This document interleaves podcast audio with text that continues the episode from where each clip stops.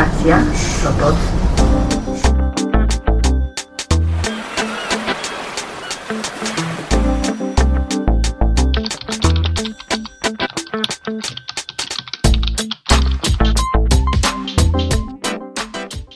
Dzień dobry, dobry wieczór. Gdziekolwiek i kiedykolwiek zechcielibyście mnie słuchać, przed mikrofonem w Sopocie w ostatnią sobotę roku 2018 wszystkich swoich słuchaczy wita Piotr Wiktor, redaktor blogu Nowe Litery i podcastu literackiego Nad Morze. Mam nadzieję, że Boże Narodzenie minęło Wam spokojnie, rodzinnie, wesoło i zdrowo, że w Waszych domach wciąż jeszcze pachnie choinka, że trwają w Was najlepsze świąteczne wspomnienia, no i trwa w Was radość z prezentów. Myślę, że ostatnie dni roku zawsze warto spędzić na miłym czytaniu i może nawet odnowić literackie czy poetyckie przyjaźnie. Dla mnie okazją do takiego odnowienia była lektura nowego tomu wierszy Marka Czuku. O tym tomie opowiem Wam już za chwilę, a tomik wyszedł spod drukarskiej prasy za sprawą wydawnictwa Forma i Fundacji Literatury imienia Henryka Berezy. Oczywiście obie instytucje mieszczą się w Szczecinie. Co dodatkowo, co dalej, w ramach książkowego unboxingu opowiem dziś o nowościach z tej właśnie oficyny, ale również o książkach, o publikacjach nadesłanych do mnie w ciągu ostatniego miesiąca. Oczywiście o tym, o tych innych publikacjach. No, czas jednak zaczynać, czas przejść do głównego tematu naszego dzisiejszego podcastu.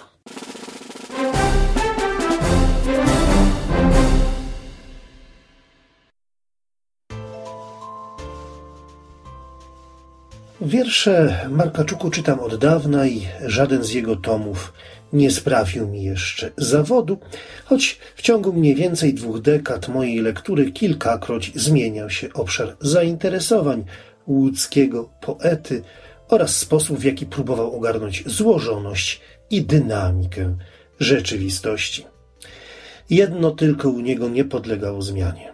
Zaufanie do świadectwa zmysłów, bo zmysły to u niego życie samo. Pośród tych zmysłów na plan pierwszy wysuwa się wzrok i zawsze zastanawiała mnie też jego wrażliwość na barwy. Ale to przecież nic dziwnego.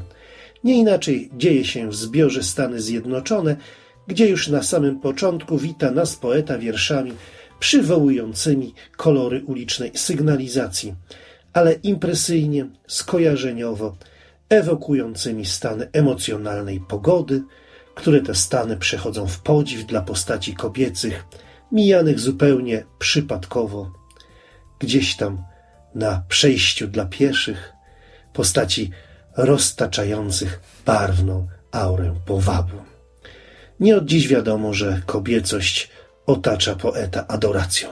Kobiecość właśnie, bo poszczególne kobiety jego podmiot zwykł postrzegać jako zwielokrotnione, nieskończenie wielopostaciowe wcielenia kobiecości.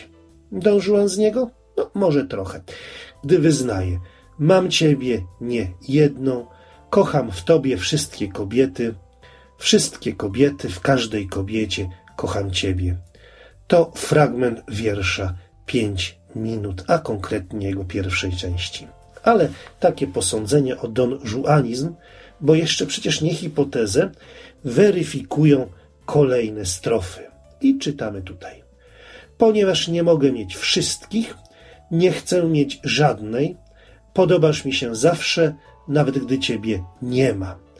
Deklaracje takie wzmacniają jeszcze tylko marzenia o metafizycznym zjednoczeniu z adresatką uczuć.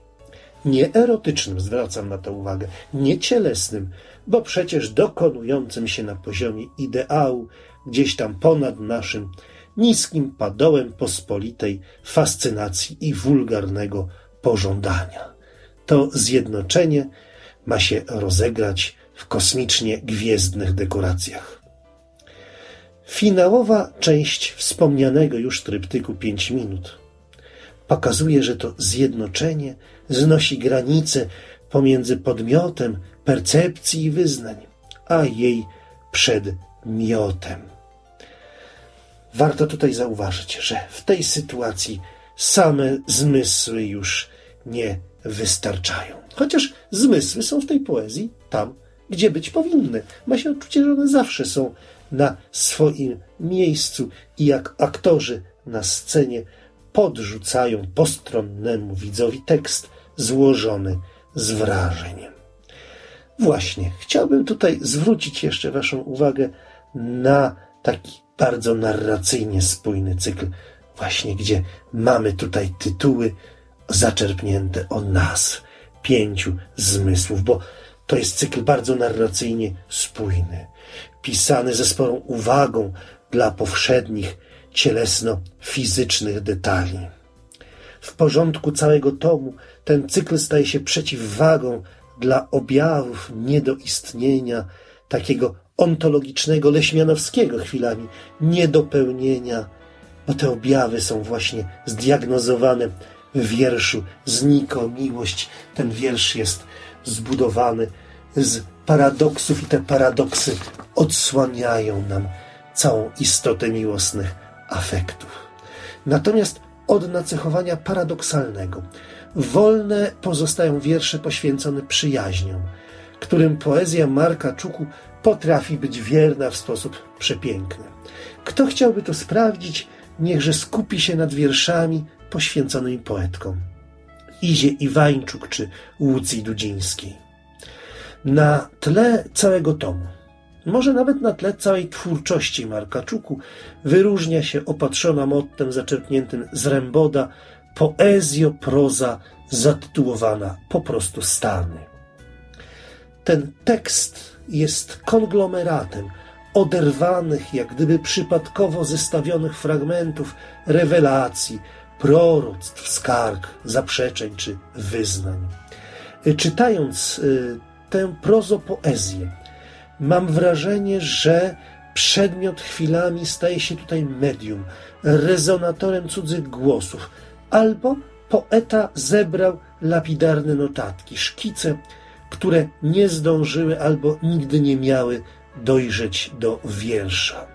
To właśnie jest taka forma bardziej pojemna. Zresztą ta forma jest niedomknięta, bo poetycki głos wybrzmiewa tutaj w zawieszeniu i ten utwór kryje w sobie przede wszystkim splot emocji o zmiennej amplitudzie, emocji odsłoniętych, ujawnionych w całej swojej sile, często niedookreślonych, ale ten tekst pozwala nam dostrzec, ile wysiłku trzeba, aby taki bezładny dyskurs, fragmentaryczną rozmowę, którą toczy przecież w sobie każdy z nas, opanować, doprowadzić do komunikatywności, aby znowu powrócić od tego wewnętrznego toku myśli, yy, przemyśleń, czasami urwanych wrażeń, aby wrócić po prostu do ładu języka, aby wrócić znowu do punktu, gdzie rzeczy najważniejsze będą się rozgrywać najbliżej i mówić o nich tak, jakby słowem, jakby spojrzeniem głaskało się młodego kota, czy podziwiało w dzień wiewiórki. Aby mówić z taką czujnością, która w środku nocy nasłuchuje sygnałów z innych światów, pogodzona z tym, że wszystko jest znikome, a sam człowiek jest planetą. Zresztą nie zawsze jest to planeta bezbronna w obliczu zewnętrznej agresji. E, o tym świadczyłby na przykład prozowiersz Blizny. Aczkolwiek tutaj, w tym tomie, najsilniejszym argumentem, który pomaga przeciwstawić się naporowi beznadziei, jest wyartykułowane w wierszu Cień Dębu przekonanie. To jest cytat. Bardzo ciekawy. To nie ma sensu, żeby to nie miało sensu. Koniec cytatu. A my dopowiadamy, więc sens ma. Czego należało dowieść? Czego poeta tutaj dowodzi?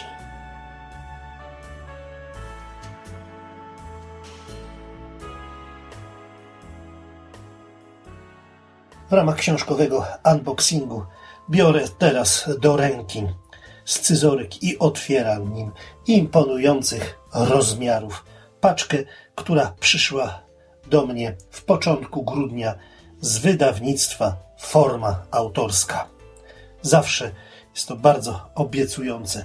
Zawsze znajduję wśród tych książek rzeczy warte większego, dłuższego, głębszego skupienia oraz rzecz jasna omówienia. Biorę do ręki scyzoryk, rozcinam taśmę i patrzę, co się ukazuje moim oczom. Na samym wierzchu dwa egzemplarze elewatora. Pierwszy poświęcony literaturze Wojwodiny, drugi poświęcony Orianie Falaci. Mam dzięki temu komplet, dlatego że też całkiem niedawno przyszedł do mnie ostatni elewator poświęcony twórczości Wiesława Dymnego. A co dalej? No, zagłębiam się tutaj w książkach i cóż widzę? Y, Wojciech Klęczar, Flu Game, y, proza wyglądająca na prozę powieściową, dalej y, prozy i, i wiersze, a nie, same wiersze. Piotra Michałowskiego, Zaginiony w kreacji, tak się nazywa ten tom. Bogusław Kierc, kolejne ważne nazwisko. I tutaj mamy właśnie prozę połączone z wierszem, a tom nazywa się Notes Prospera. No, ucieszyłem się z nowej książki Miłosza Waligórskiego, Sztuka przekładu i tak, kiedy ją w tej chwili kartkuję, znowu po prostu zapowiadają się te wiersze bardzo, ale to bardzo ciekawie. Dalej Wojciech Czaplewski i książeczka rodzaju e, krótkie, jak się wydaje, narracyjne prozy. Zaraz potem bardzo solidny tom baśni norweskich opowiedzianych przez Dariusza Muszera. E, dalej mamy tutaj prozę wyglądającą na powieść, choć się mylę, Zbigniew Kosiorowski i tytuł książki Zapadnia dalej opowiadania, a właściwie spowiadania i wypowieści y, Artura Daniela Liskowackiego. Y, po nich znajduje y, tom Lecha Jakuba do góry nogami, teksty poetyckie, które można czytać tradycyjnie, ale można i książkę odwrócić do góry nogami, a nawet czytać ustawiając ją w pionie dalej, dalej, bo słowo dalej się tutaj powtarza, ale na pewno nie ominę y, lektury pierzchających ogrodów wierszy Bogusławy Latawiec, dalej Jerzy Franczak i jego święto, y, święto odległości. I wyglądają, oczywiście wyglądają te teksty na, czy wygląda ten tekst na prozę narracyjną. Dalej teksty o prozie Janusza Drzewuckiego, zatytułowane Obrona przypadku i Jacka Bielawy, również książka prozatorska, która nosi tytuł Kościelec. E, gorące podziękowania redaktorowi naczelnemu z Sopotu zasyłam. Jak zwykle obiecuję wnikliwą lekturę i kilka słów, kilka słów krytycznych, kilka słów recenzenckich właśnie pod adresem nadesłanych książek. Przesyłka ze Szczecina była prezentem bardzo hojnym. Właściwie tak dużej paczki z książkami oddzielnej, samodzielnej jeszcze nie otrzymałem. Ale nie był to dar jedyny. Z Olkusza przyszedł do mnie szósty numer Afrontu, czasopisma wartego uwagi nie tylko ze względu na teksty, ale także na bardzo, bardzo wysmakowaną szatę graficzną. No nic dziwnego. Wydawcą jest tutaj Galeria Literacka przy Galerii Sztuki Współczesnej BWA, właśnie we wspomnianym już Olkuszu. Dalej, Jerzy Hajduga obdarował mnie tomikiem zatrzymać z czasu chwilę. Tomik ten ujrzał światło dzienne za sprawą krakowskiego wydawnictwa MK. I warto też zwrócić uwagę na to, że Polskie Stowarzyszenie Haiku dotrzymało obietnicy i wydało pierwszy numer internetowego magazynu Haiku. Magazyn ten, który zapowiadałem wcześniej, nosi tytuł Papierowy Żuraw. Jest on dostępny jak na razie w wersji PDF i link do tego właśnie magazynu znajdziecie na stronie internetowej właśnie w notatkach do tego podcastu. Zresztą notatki wzbogacam także o linki do wydawców. Przede wszystkim myślę tutaj o formie, ale znajdziecie tutaj także link do olkuskiej BWA, a jeśli idzie o Jerzego Hajdugę, to daję tutaj link do jego strony autorskiej. I znowu przychodzi mi bardzo serdecznie za tak wielką hojność, za tak wielką życzliwość względem mnie podziękować, bo tak naprawdę czuję, że ostatnie książki z tego pięknego, z tego pięknego daru, z tych pięknych darów, gdzieś tam przeczytam pod koniec lutego i już choćby dlatego będę miał bardzo, bardzo ciekawą lekturowo zimę. Kochani, każde życzenia, żeby były autentyczne, wymagają chwili zastanowienia. Więc pomyślawszy chwilę, życzę tym, którzy piszą, żeby ich praca przynosiła im radość, żeby nie brakło im nigdy dobrych pomysłów, nowych idei i pilności w ich realizowaniu.